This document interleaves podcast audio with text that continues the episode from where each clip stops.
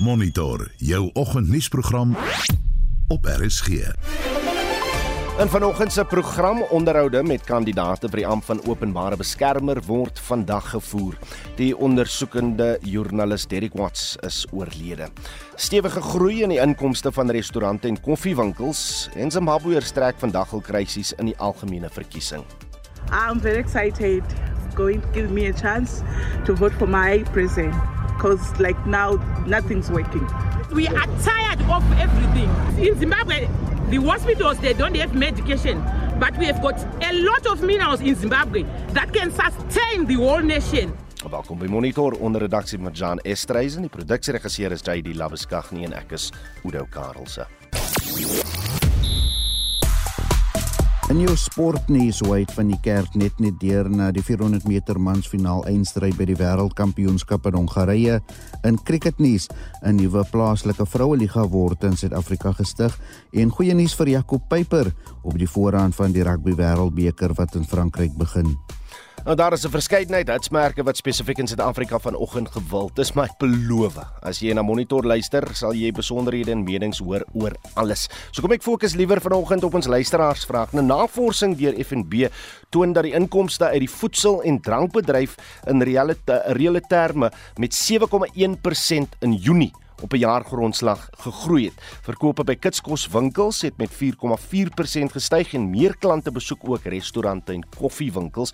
Nou wil ons weet, eet, eet jy liewer in 'n restaurant of koop jy wegneem etes as om self kos te maak? En hoe beïnvloed die keuse wat jy gemaak het oor uh, natuurlik jou geld sake in hierdie moeilike ekonomiese omstandighede.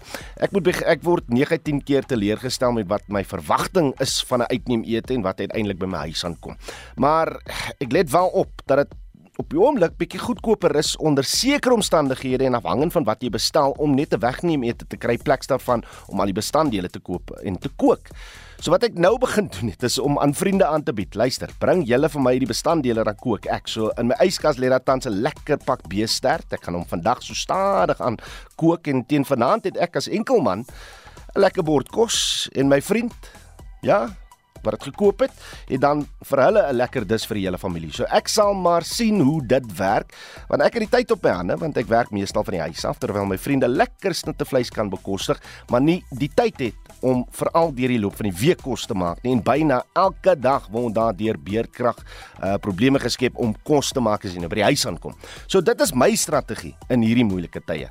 Wat is joune en uh, sit jy liewer in 'n restaurant en eet of kook jy liewer by die huis? Laat weet uh, jou mening deur uh, SMS te stuur na 45889 dit kos jou R1.50 per boodskap of jy kan saamgesels op RSG se Facebookblad. Dis 13 minute na 6. Al 8 kandidate wat op die kortlys uh, is om die as die volgende openbare beskermer aanbeveel te word, het die nodige sekuriteitsklaring ontvang. Die kandidate was ook onderhewig aan uh, die verifikasie van akademiese kwalifikasies, skuld en misdaadrekords. Die parlement se ad hoc komitee wat 'n nuwe OB moet kies en aanbeveel, gaan vandag onderhoude met die kandidaat kandidate voer. Celine Merrington doen verslag. Die opvolger vir die geskorste OB, Bosisiwe Mqwebane, is nog 'n stap nader aan die posisie. Die komitee sekretaris, Vonani Ramano, verduidelik dat die ondersoeke geen negatiewe bevindinge opgelewer het van enige van die kandidaate nie. The outcome of the investigation confirmed that the above mentioned candidates are all South African citizens. None of them is having a dual citizenship. It is also important to know that there's no defaults registered against any of their names. No security concerns came to light during the screening process. Die komitee sal die onderhoude oor 2 dae doen. Die voorsitter, Cyril Kaba, verduidelik. The first candidate, advocate uh, Tseliso Chipanyani, and then advocate Kwena Thomas Tsewa, and then after lunch it's advocate uh, Oliver Josie and the advocate uh, Lynette Mare. It's uh, Miss Muvango Lukaimani and Miss Kwenati uh, Lidwaba before lunch. And after lunch is Professor Musinyani and uh, Advocate uh, Kollega uh, Galega. 'n Lid van die komitee EFFLP Ompile Mahutwe het kapsie gemaak teen een van die kandidate, maar ander lede soos Kobodile Jantjie het teruggekap. we have the chance to appoint someone who can rejuvenate the institution, giving it a fresh start.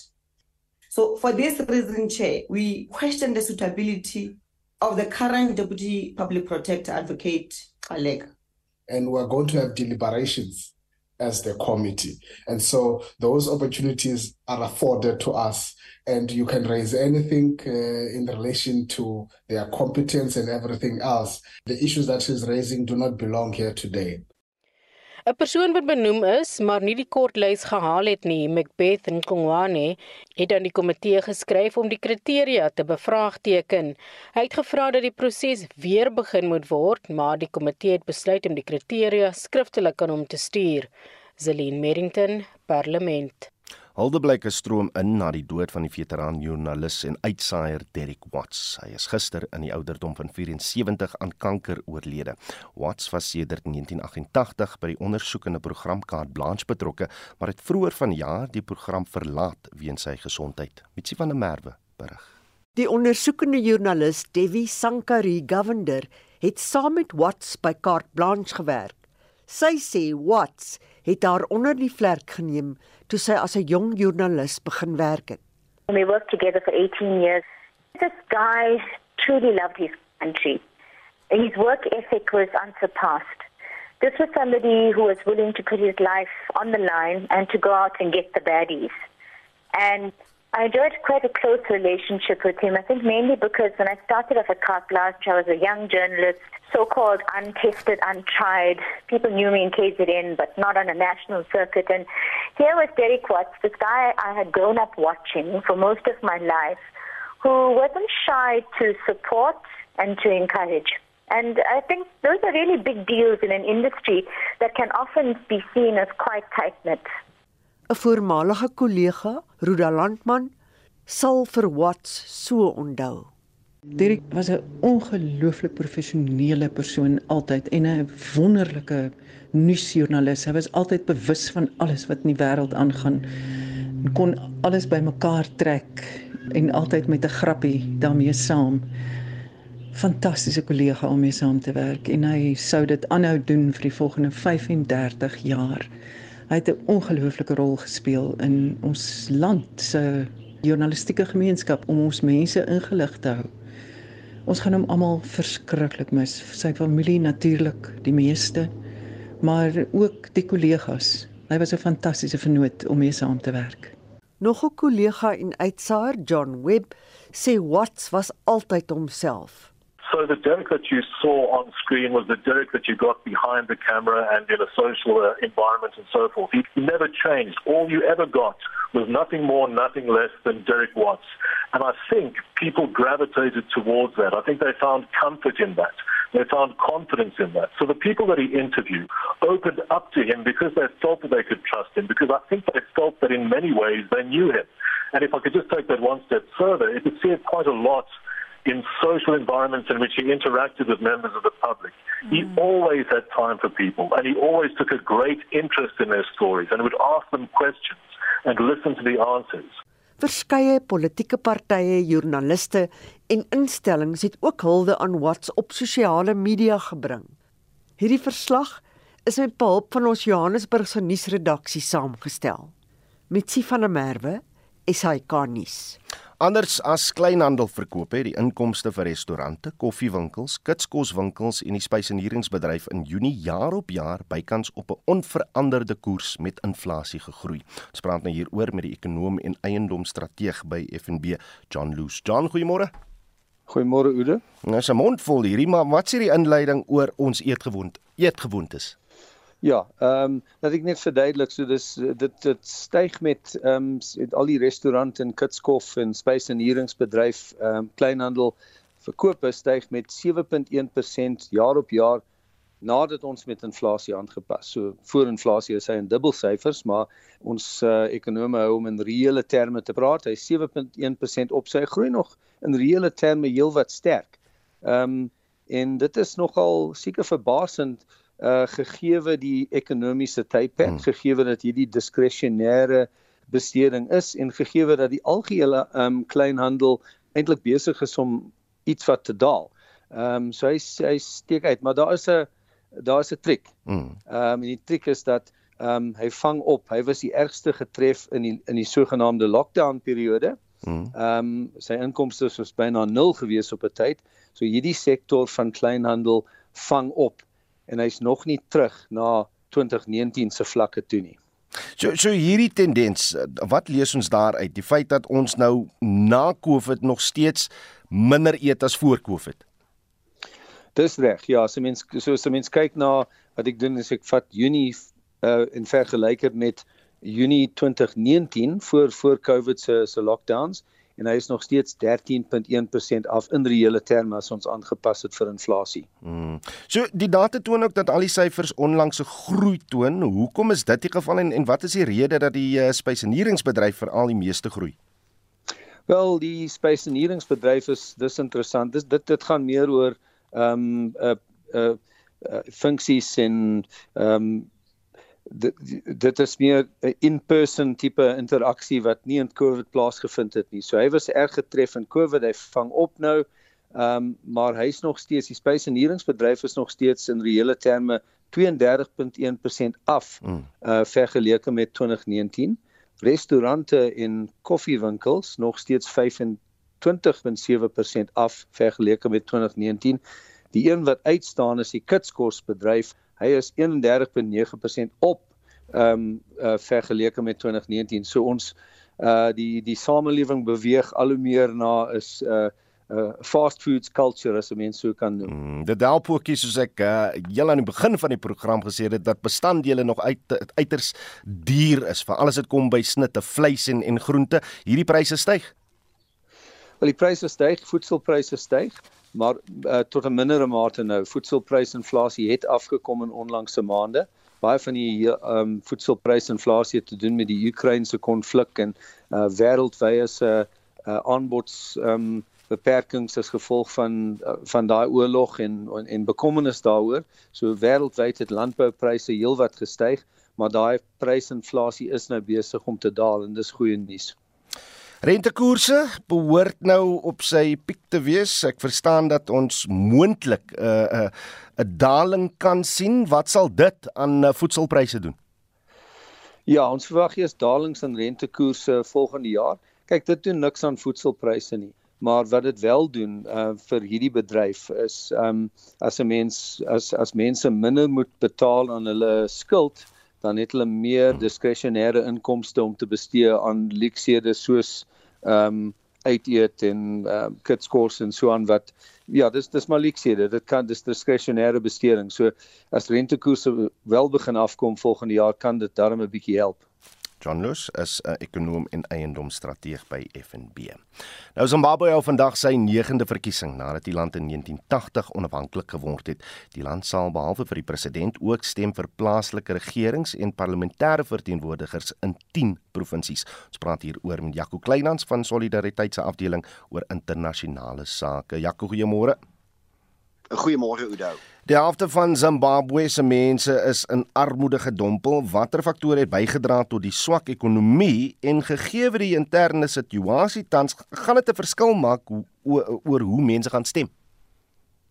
Ja, uh, Udo, ek dink die die pad na herstel in Zimbabwe is is langer as wat sommige politieke leiers dalk uh, probeer voorgee. Kyk, die probleme kom al uit die 1990s uit. Uh, reeds in die 1990s het ons 'n ekonomiese krisis gesien uh, weens 'n hoë staatsskuld, uh, korrupsie in Zimbabwe. Uh, ons het gesien in daardie tyd hoe Robert Mugabe uh, sy gewildheid afgeneem het. Uh, in 1999 het die Wêreldbank en die IMF besluit om nie meer geld beskikbaar te stel in Zimbabwe nie. Dit het op daardie tydstip tot 'n groot ekonomiese krisis gelei en een van die gevolge daarvan was populistiese beleid, byvoorbeeld die die sogenaamde grondhervormings, die grondgrype in Zimbabwe en en alles wat daarop gevolg het, die hiperinflasie. Jy onthou sekerlik nog 'n tyd toe toe die inflasie in Zimbabwe 'n paar miljard persent was en en al daardie krisisse. Nou geen van daardie uh probleme en krisisse het uh, sedertdien nog ooit beter geraak of opgehou nie. Uh werkloosheid is steeds so hoog. Niemand weet eintlik presies uh, wat werkloosheid in Zimbabwe is nie sommige mense sê dis 80%, ander sê dis 90%.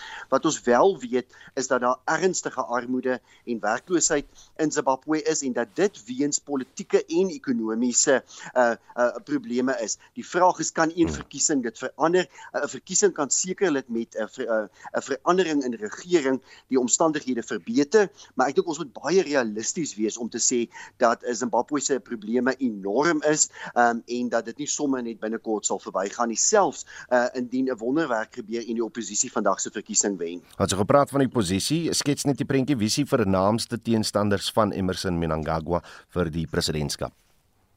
Ja, nou, ons onthou natuurlik Emerson Mnangagwa vir uh sy betrokkeheid in 2017 toe hy 'n uh, groot rol gespeel het om van Robert Mugabe ontslae te raak. Hy het toe president geword. In 2018 is Mnangagwa tot 'n volle termyn uh verkies in 'n baie omstrede verkiesing. Hy het in die eerste ronde net meer as 50% van die stemme teen uh, Nelson uh Chamisa gekry. Nou die twee leiers is vandag weer die belangrikste leiers. Daar uh, of kandidaate. Daar is 11 uh, kandidaate vir president op die stembrief maar dit is hoofsaaklik 'n tweestryd tussen Emmerson Mnangagwa wat reeds 80 jaar oud is en die 45-jarige Nelson uh, Chamisa. Chamisa natuurlik iemand wat ehm uh, uh, baie beloftes maak. Ek dink hy is baie uh, sterk ingestel daarop om sanksies teen Zimbabwe te beëindig, Amerikaanse, Britse en Europese sanksies te beëindig.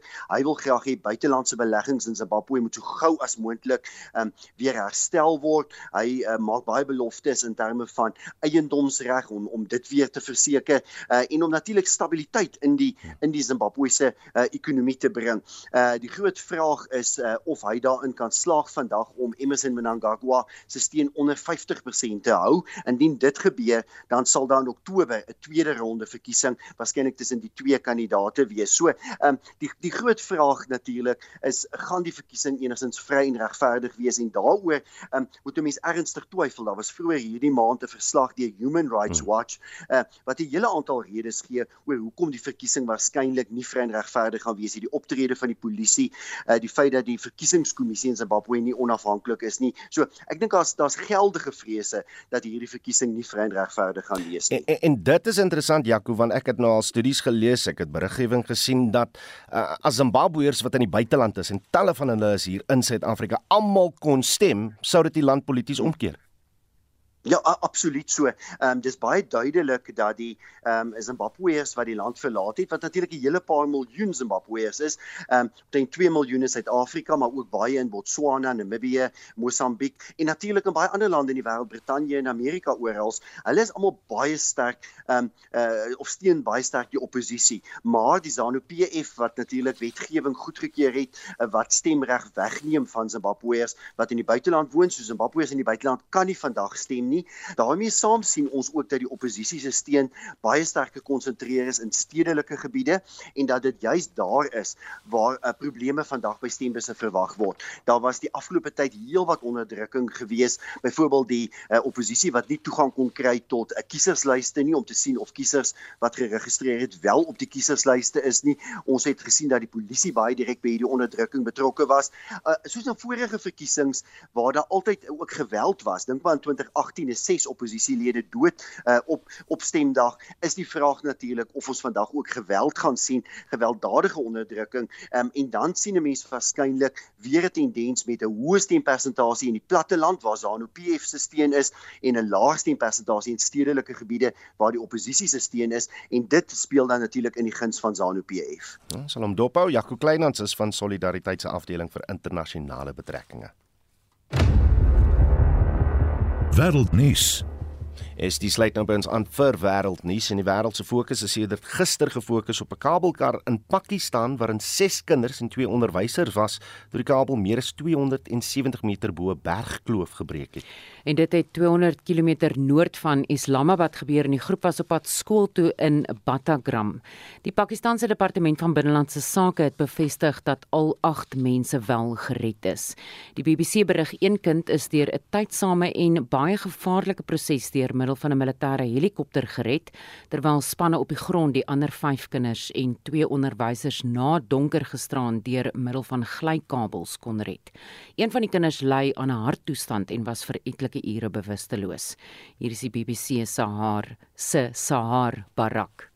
The rope snapped and the people were stranded in the air. But even then, the uh, military helicopter and the people in it, they tried real hard to rescue them. But the only problem was that as soon as the helicopter would get closer to the cable car, it would start dangling again. And it was really dangerous because, you know, the military had to be very, very delicate in handling the entire matter as well. So it was also a rescue operation from ground after dark, which made sure that these children get out. Dit was Saar Barak van die BBC. Die hoof van die Wes-Kaapse Rampbestuursentrum, Colin Dainer, het gister gesê so reddingsoperasie sou waarskynlik met 'n helikopter uitgevoer moes word omdat die kabelkarre baie onstabiel was. Jou eerste probleem wat jy gaan hê as jy met 'n helikopter ingaan is die helikopter se wat hulle noem sy rotor wash, wat hy afwaarts druk is baie sterk. Die kabel lyk asof hy reg is, maar hulle gaan op een of ander manier die kabelkarretjie moet vasmaak aan die kabel. Dis 'n heelwat mense en nou gaan jy nog reddingswerkers op hom sit, so jy gaan 'n ekstra gewig opsit. Die wind waai nogal sterk daar. En dan is jou derde probleem is omdat hy teen 'n hoek staan, die kinders en die onderwysers wat in hom is, nie op 'n soliede platform nie, so hulle hang eintlik met 'n kant wat oop is. So hulle gaan moet kyk hoe hulle die se daar kan beveilig. En wat ek daar moontlik sal doen is kyk om hulle met 'n toue of met belde of goed vas te maak aan die kabelkar en dit was die hoof van die Wes-Kaapse Rampbestuursentrum Colin Tyner. Na Kanada toe waar wetenskaplikes sê die veldbrande wat vroeër vanjaar in die oostelike provinsie van Quebec gewoed het, is aansienlik vererger weens klimaatsverandering. 'n Nuwe studie deur wetenskaplikes het bevind klimaatsverandering het tot soveel as 50% bygedra tot die veldbrande en die studie wat deur die Wêreldweer Erkenningsinisiatief gedoen is, dui aan die ontstaan van veldbrande word vir 7 dubbel weens die menseverbranding van fossiel brandstof. Hier is die BBC se Davis. We've had this thick blanket of smoke which has choked the environment. The winds have blown more fires. 30,000 people have had to be evacuated, and 27,000 people still are at risk of evacuation. There are about a thousand wildfires in parts of Canada this year. That's more than ever before. And many of those are in, in, the west of the country, in the province of British Columbia. These forest fires have been unprecedented, and this is in a region which is well used to forest fires in the summer, but more this year than ever before. Dit was die BBC se Wiri Davis. Dan is alle oë ook op Indië se poging om vandag op die maan se min verkende suidpool te land. En dit is Indië se derde maansending en as dit suksesvol is, sal Indië die eerste land wees wat op die maan se suidpool kan land. Die poging is net daar nadat Rusland se Luna 25 neergestort het terwyl hy in dieselfde streek probeer land het. Nou een van die doelwitte van die maansending is om watergebaseerde ys na te spoor. Wetenskaplikes glo dit sal menslike bewoning op die maan kan ondersteun. En dit was Estie met 'n oorsig oor vandag se wêreldnuus. Monitor. Jou oggendnuusprogram op RSG. 632 en in die tweede helfte van ons program honderde pasiënte in die Wes-Kaap wag om 'n orgaanoorplanting te ontvang. En die nuwe ontwikkelingsbank vir BRICS-lande wil minder van die Amerikaanse dollar gebruik maak. The NDB must be able to finance projects in local currencies. In other words, you can't finance a project in China in dollars. You can't finance a project in South Africa in dollars. Bly ingeskakel. Navorsing deur FNB toon dat die inkomste uit die voedsel- en drankbedryf in reële terme met 7,1% in Junie op 'n jaargrondslag gegroei. Nou nou wil ons weet Eet jy liewer in 'n restaurant of koop jy wegneem etes as om self kos te maak en hoe beïnvloed die keuse wat jy maak jou geld sake in hierdie moeilike omstandighede ekonomies gesproke. Nou Karen de Orwel sê ek is 'n vrotkok en nou ook my begroting dop. Ek woon in 'n dorp waar meer en meer mense maandag tot Vrydag aandetes kook vir gemiddeld R85 per persoon en dit by jou huis aflewer. As ek ook beerkrag en laatmiddag afsprake in gedagte hou, is die opsie 1 of 2 keer per week my keuse en dikwels is een porsie so groot dat ek twee keer daarvan kan eet. Chrissy van der Merwe sê hou van my eie kos, weet wat daarin is en hoe dit gemaak is. Eet wel uit by sekere restaurante. Ek hou nie van kitskos nie, sê Chrissy van der Merwe en wil na Peppler sê huiskos so ver as moontlik, maar so wegneem ete het ook sy doel julle SMS se deur na 45889 teen R1.50 per boodskap laat weet wat julle mening is en praat gerus saam op RSG se Facebookblad. Tyd vir die jongste sportnuus môre Jody. Goeiemôre Udo. Reg groot drama met Wade van Niekerk by die Wêreldatletiek Kampioenskap in Hongarye. Ja, dit was Broekskeer, maar Wade van die Kerk sal wel môre aan in die blokke vir die 400 meter eindstryd wees. Hy het gisteraand in die halfeind gesukkel en derde geëindig en moes wag om te sien of hy die finaal sou maak, maar sy tyd van 44,65 sekondes was goed genoeg om hom as een van die vinnigste verloordes te laat kwalifiseer en sy droom vir 'n medalje lewendig te hou. Ja, ek dink die dae van wen uit die buitebaan is miskien bietjie verby, maar uh, wat het nog gister gebeur? Suid-Afrika se Marionay Forrie het uh, vir die semifinaal van die 100 meter hekkies vir vroue deurgedring. Faith Kipchoge uh, van uh, Kenia het goud in die 1500 meter vir vroue gewen en Lailunga Tsanga het goud in die vroue diskus verower met 'n gooi van 69,49 meter. Ek sien nou sê die rugby ondersteuners goed so, want Ouen Ferrell is nog steeds in die nuus.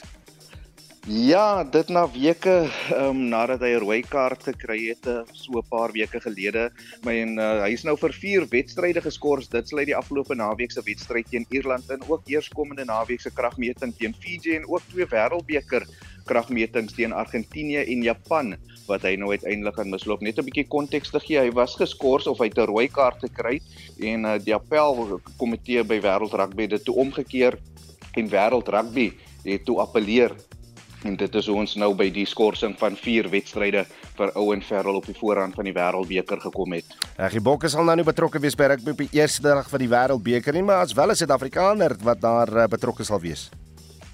Ja, Jakob Peyper gaan die eer om uh, die openingswedstryd te hanteer by die Rugby Wêreldbeker van 2023. Dit vind op 8 September in uh, op die Stad Francais Stadion plaas met die gasheer Frankryk en Nieu-Seeland wat mekaar gaan pak. Dit sal egter nie die eerste keer wees wat die Bloemfonteiner die eer kry nie. Hy het dit ook by die openingswedstryd van die 2015 Rugby Wêreldbeker gedoen toe Fiji en eh, Engeland opponente was. Angus Gardner van Australië gaan die vletjie in Suid-Afrika se eerste groep B wedstryd teen Skotland hanteer. En ek sien Kaizer Chiefs is lekker beboet vir wat na hulle nederlaag oor die naweek gebeur het, maar twee wedstryde word vandag in die DStv Premier Liga gespeel.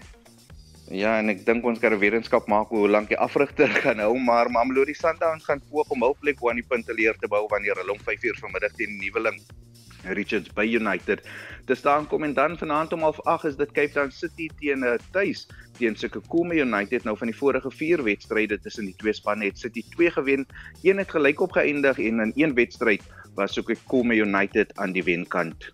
Reg ons praat nou met uh, Robert Summers, Suid-Afrika se voorste pleinbalspeler. Robert is in Denemarke waar hy hierdie week aan die wêreldkampioenskap deelgeneem het. Môre Robert. Goeiemôre. Ehm um, dis baie lekker om by julle te wees. Ehm um, ja, lekker om saam met jou te gesels. Maar luister, jy is Suid-Afrika se topgekeerde speler op die oomblik. Wat, wat was jou grootste uitdaging om die punt te bereik waar jy nou in 'n wêreldkampioenskap uh, kan speel?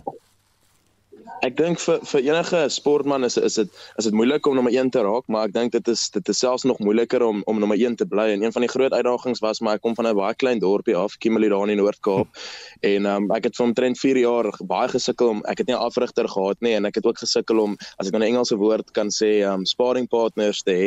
Um jy weet, so dit was maar moeilik met met kompetisie en so aan en ook nou is dit nog nog moeiliker. Ek is tans ook 'n voltydse um regstudent aan die Universiteit van die Vrystaat. So dit is maar moeilik met tyds tydskedulering en so aan. Maar ja, ons maak dit maar meer probeer dit maar maak werk met um, jy weet time management en so aan. Ja. Robert, wat moet jy doen gegee jou besige skedule om vir die 2024 spele in Parys te kwalifiseer? So tans is um ek en Jared Elliot um van um Oos-Gauteng besig om te probeer kwalifiseer. Um en vir ons om te kwalifiseer moet ons nommer 1 um in Afrika wees op die Afrika ranglys en um asook ons moet onder die top 50 in die wêreld lê. Hoe verloop dinge daar by die wêreldkampioenskap meneer? Dit het eintlik baie goed gegaan. Ons het ehm um, vir ons het gespeel Dinsdag teen eh, 'n uh, paar van die Filippyne wat om wat omtrent so 45ste in die wêreld gekeer is en ons het en ons het nog baie naby teen hulle verloor. Ehm um, maar dit het baie goed gegaan. Ons het goed gespeel en ons is ons is nog jonk en jy weet dit is ons eerste wêreldkampioenskappe so ons sien nou nog baie uit, jy weet. En ek dink daar's baie vir ons om op te groei en om te op te verbeter, ja. Asai, lekker om jou te gesels. Uh, ons gee ons luisteraars net so 'n voorsmaakie van van voor lê en dit's te Robert Summers, Suid-Afrika se voorste mans pleinbalspeler en Jody Hendriks natuurlik van RSG Sport.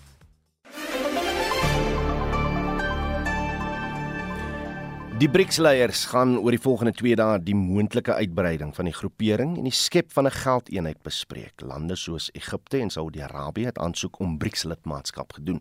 Die 15de BRICS-beraad het gister in Sandton, Johannesburg begin waar die vyf staatshoofde die BRICS-sakeforum toe gespreek het. Estie de Klerk het meer besonderhede.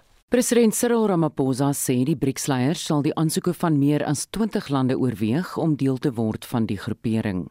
A number of countries some of which are represented here, are seeking to be part of this BRICS family. And we appreciate that. It goes to show that the BRICS family is growing in its importance, in its stature, and also in its influence in the world.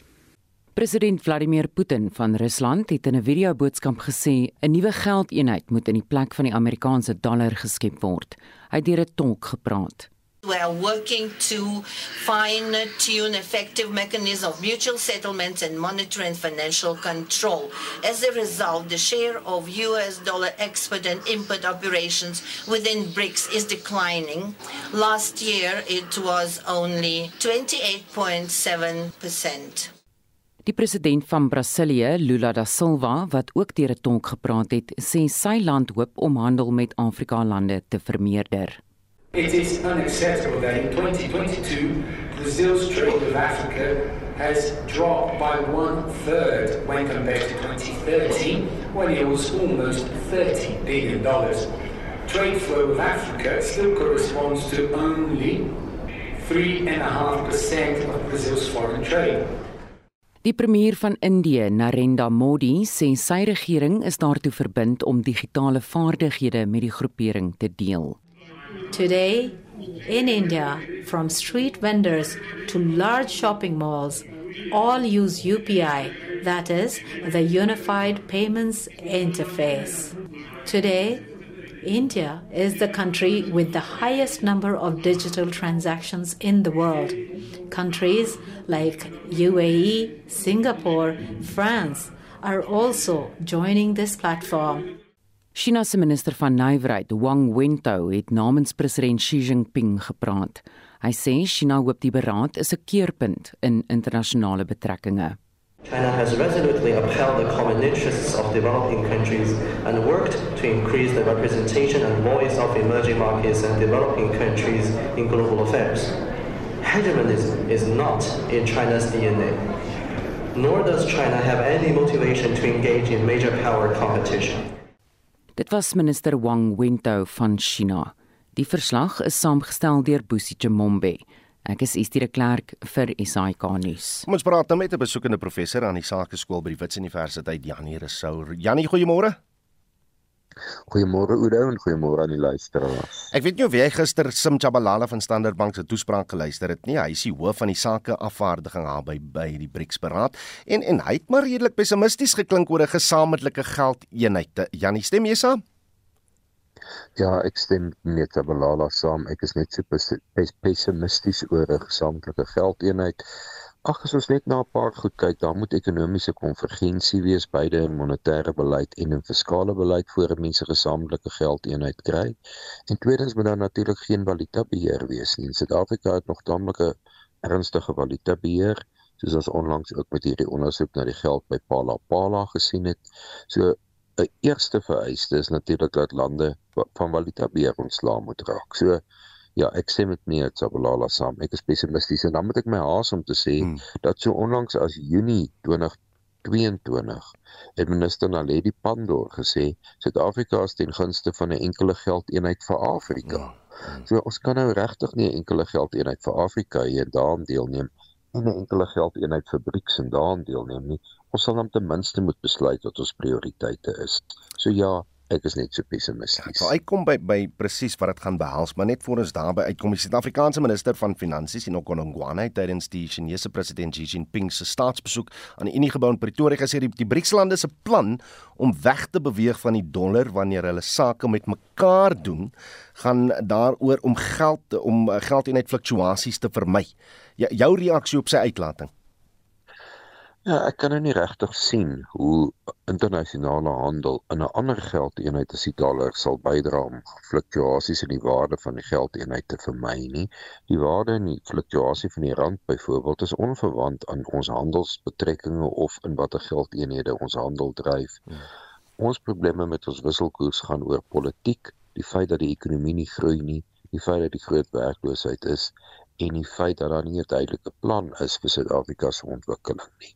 So dit het niks met ons handel te doen nie. Dit is absoluut politieke probleme binne in Suid-Afrika wat tot tot ons wisselkoersprobleme aanleiding gee. Die die baie BRICS-lande het nou reeds begin om bilaterale handelstransaksies in plaaslike geldeenhede eenhede te sluit. Indië en Maleisië die rupee begin uh, gebruik vir oorgrens sake transaksies. Daar nou wonder ek net, uh, ten opsigte van Afrika is daar geleentheid vir Suid-Afrika om om die rand se se posisie sterker te maak. Ja, kyk, die rand is natuurlik reeds die streeksgeld eenheid vir Suid-Afrika, Eswatini, Lesotho en Namibië. En as ons 15 jaar terug net 'n bietjie meer vlugvoetig was, kon ons natuurlik destyds toe die Zimbabwese dollar afgeskaf is, ook vir Zimbabwe by daardie 'n uh, groepering ingetrek het. Maar ook 15 jaar gelede was ons probleem valuta beheer, hmm. want lande wat aan so 'n uh, geldeenheid deelneem, as daar valuta beheer is, moet presies dieselfde valuta beheer hê en dit was nie die geval van uh, met Zimbabwe nie. So ja, daar is sulke geleenthede, maar valuta beheer is 'n baie groot struikelblok om dit te bewerkstellig. So dit sal wel by hierdie BRICS beraad 'n uh, 'n uh, besprekingspunt wees, maar maar wat behels dit eintlik, die opstel van 'n nuwe geldeenheid Janie? Alle opstel van 'n nuwe geldeenheid is natuurlik iets wat baie jare neem soos ons gesien het met die euro wat uh vir die eurozone lande ingestel is. Daar's baie voorbereiding om te doen. Eerstens moet jy na valuta beheer kyk, soos ek nou reeds uitgewys het. Daar moet konvergensie van die ekonomieë wees. Aan die ander woorde, monetêre beleid moet daar min of meer ooreenstem uh, ten opsigte van 'n inflasieteiken of 'n ander anker vir monetêre beleid. Daar moet daar 'n konvergensie van inflasiekoerse wees dan moet 'n gesamentlike teikenband vir die inflasiekoerse van hierdie lande wees. Dan moet wisselkoersstabiliteit wees. En dan natuurlik aan die fiskale kant moet daar konvergensie van fiskale beleid wees. Daar moet mikpunte wees vir byvoorbeeld die tekort voor lenings van die regering en so meer. So daar's ongelooflik baie voorbereidingswerk wat gedoen moet word. Ag, en dit is nou lekker vir 'n politieke leier om van 'n verhoog af te sê, jy gaan een geld eenheid wees, maar eintlik beteken dit niks. Talk is cheap, money buys the whiskey. Professor Jan Rousseau is 'n besoekende professor aan die Wits Sakeskool. Nou daar is 'n groot tekort aan organe vir oorplanting in die Wes-Kaap. Die hoof van sakeontwikkeling by die Orgaanskenker Stichting, Jooste Vermeulen, glo die rede vir die groot tekort is nie omdat die publiek nie genoeg weet van die onderwerp nie, maar dat dit baie meer veelvuldig is daar word deur die jare 'n geweldige hoeveelheid bewustheid gemaak. Ons kry baie geleenthede die media wat vir ons baie goedgesind is en daar word baie gepraat oor orgaanskenking. Die ander vraag wat mense nou dink, miskien is dit oor geloof of mense dink hulle is te siek, maar die grootste grootste probleem in Suid-Afrika is 'n infrastruktuurprobleem en dat tydens wat iemand nou brein dood verklaar word, moet daar 'n mediese professionele persoon wat te doen het met orgaanskenker praat en hulle moet hulle toestemming kry. So jy het 'n baie gespesialiseerde persoon nodig om daai gesprek te voer. Sien maar in 'n groot hospitaal waar hulle die mediese infrastruktuur het soos om daai liggaam nou gereed te hou vir die skenking nie, maar jy het ook 'n professionele persoon wat daai gesprek moet voer. En ongelukkig in Suid-Afrika het ons nie genoeg van daai mense op die grond nie. Mense verwys baie gereeld dat in Spanje is daar 'n stelsel waar jy outomatiese orgaanskenker is. Maar in Spanje word daai gesprek nog steeds gevoer met die mense. Die groot verskil is in Suid-Afrika het ons net omtrent 50 sulke pense om deur die hele land hierdie werk te doen.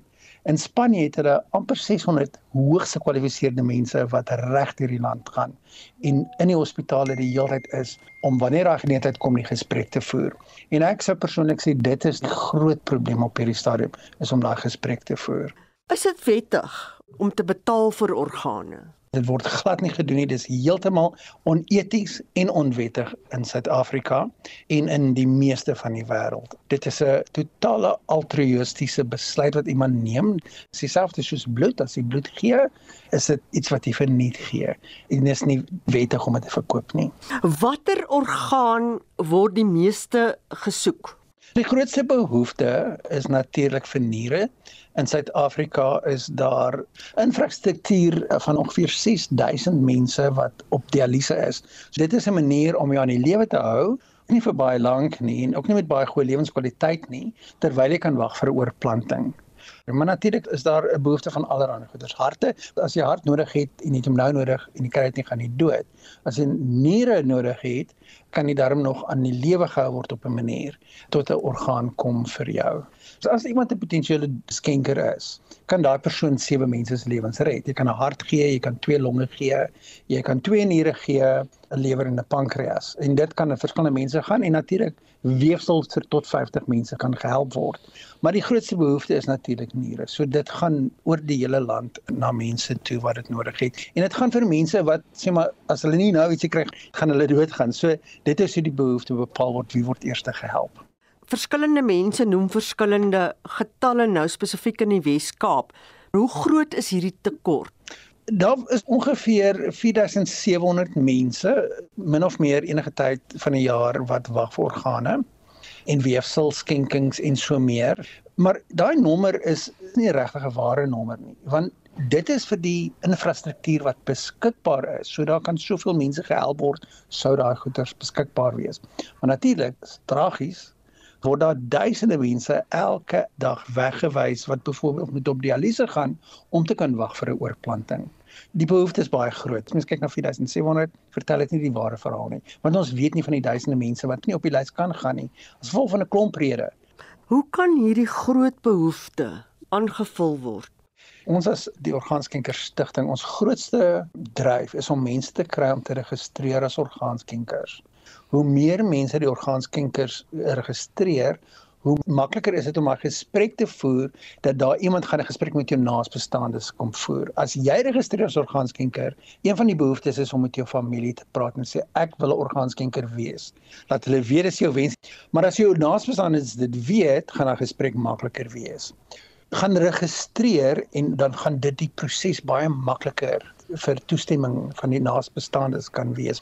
En mense gaan gewoonlik en hulle gaan eerder as hulle onseker is dan sê hulle nee. As jy gaan registreer as orgaanskenker en jy maak dit absoluut duidelik in jou geliefde se kop dat dit is jou wens om orgaanskenker te wees. Onthou jy het nou net dood gegaan, so hulle gaan jou mis.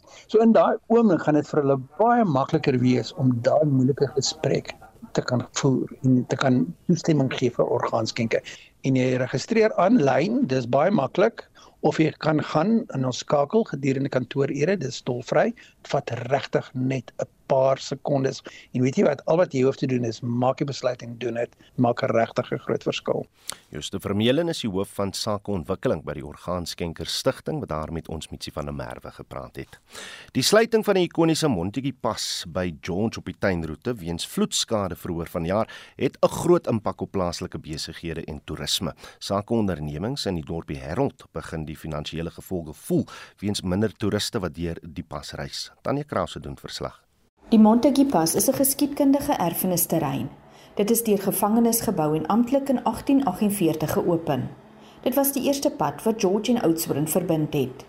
Met 'n pragtige uitsig oor die Outeniqua berge, neem die 17 km grondpad jou van George na die klein dorpie Harold. Estelle Brits is die mede-eienaar van die Over the Mountain gasteplaas. Sy sê die passe sluiting het nie net 'n uitwerking op haar besigheid nie, maar haar personeel sukkel ook finansiëel. Ons is baie trots daarop dat ons van die jong meisies wat hier in die plaasgemeenskap bly, jy weet op die buurplaas, ehm um, bly dat ons van hulle oplei in allerlei vaardighede in 'n teetuin en in die gasvryheidsbedryf. En nou moes ons hulle laat gaan. Hulle het nou letterlik net werk oor naweke. So van die 5 meisies gebruik ons nou maar elke naweek een of twee om die besigheid bietjie aan die gang te hou. Een van die eerste wynplase in die tuinroete, Herald Wines, is langs die bopunt van die pas geleë. Dit is 20 jaar lank in bedryf en maak staat op toerisme. Die eienaar Nico Fourie sê die sluiting veroorsaak dat hy sowat 70% van sy inkomste verloor. Ja, wel ons hoop hulle maak hom reg want uh ek meen behalwe vir die feit dat dit vir ons belangrik is, is dit ook 'n monument. Ek en Maureen het seker die pas nou al 8000 keer gery vandat ons hier is en dit word nooit oud om hom te ry nie. Dis altyd mooi. So vir wat die pas op sy eie werd is, behoort daar iets aan gedoen te word. Aangesien die pas 'n Weskaapse erfenisterrein is, moet goedkeuring en permitte deur Erfenis Weskaap gaan. Die woordvoerder van die provinsiale departement van vervoer en openbare werke, Jan Dreybakker, sê hulle kan eers met herstelwerk voortgaan sodra hierdie permitte ontvang is. Die Montetjie pas is ernstig beskadig tydens oorstromings. Ons moes die pas sluit vir die veiligheid van padgebruikers. Ons het begin met herstelwerk, maar ongelukkig moes ons herstelwerk staak weens permitsake wat eers uitgesorteer moes word. Sodra die permitkwessies uitgesorteer is, sal ons voortgaan met daardie herstelwerk. Ons kan nie 'n tydlyn op heropening plaas nie, want dit hang af van die permitproses wat buite ons beheer is en beskikbare hulpbronne ten tye van permituitreiking. Instandhouding wat voorheen aan die pas gedoen is, het glo die toestand daarvan vererger. Hobbels wat stormwater na die geete in die muur langs die pas gelei het, is platgemaak. Dit lei daartoe dat swaar reënval verdere erosie veroorsaak. Ek is Tanya Krause op Herald naby George in die Wes-Kaap.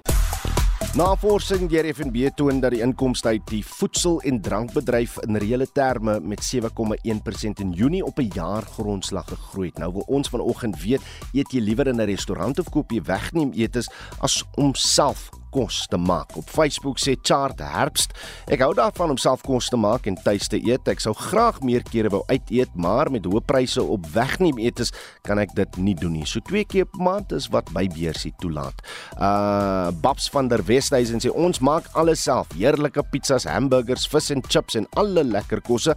Gebruik twee glasoentjies, 'n gasstoof en mikrogolf en hulle werk ewe hard.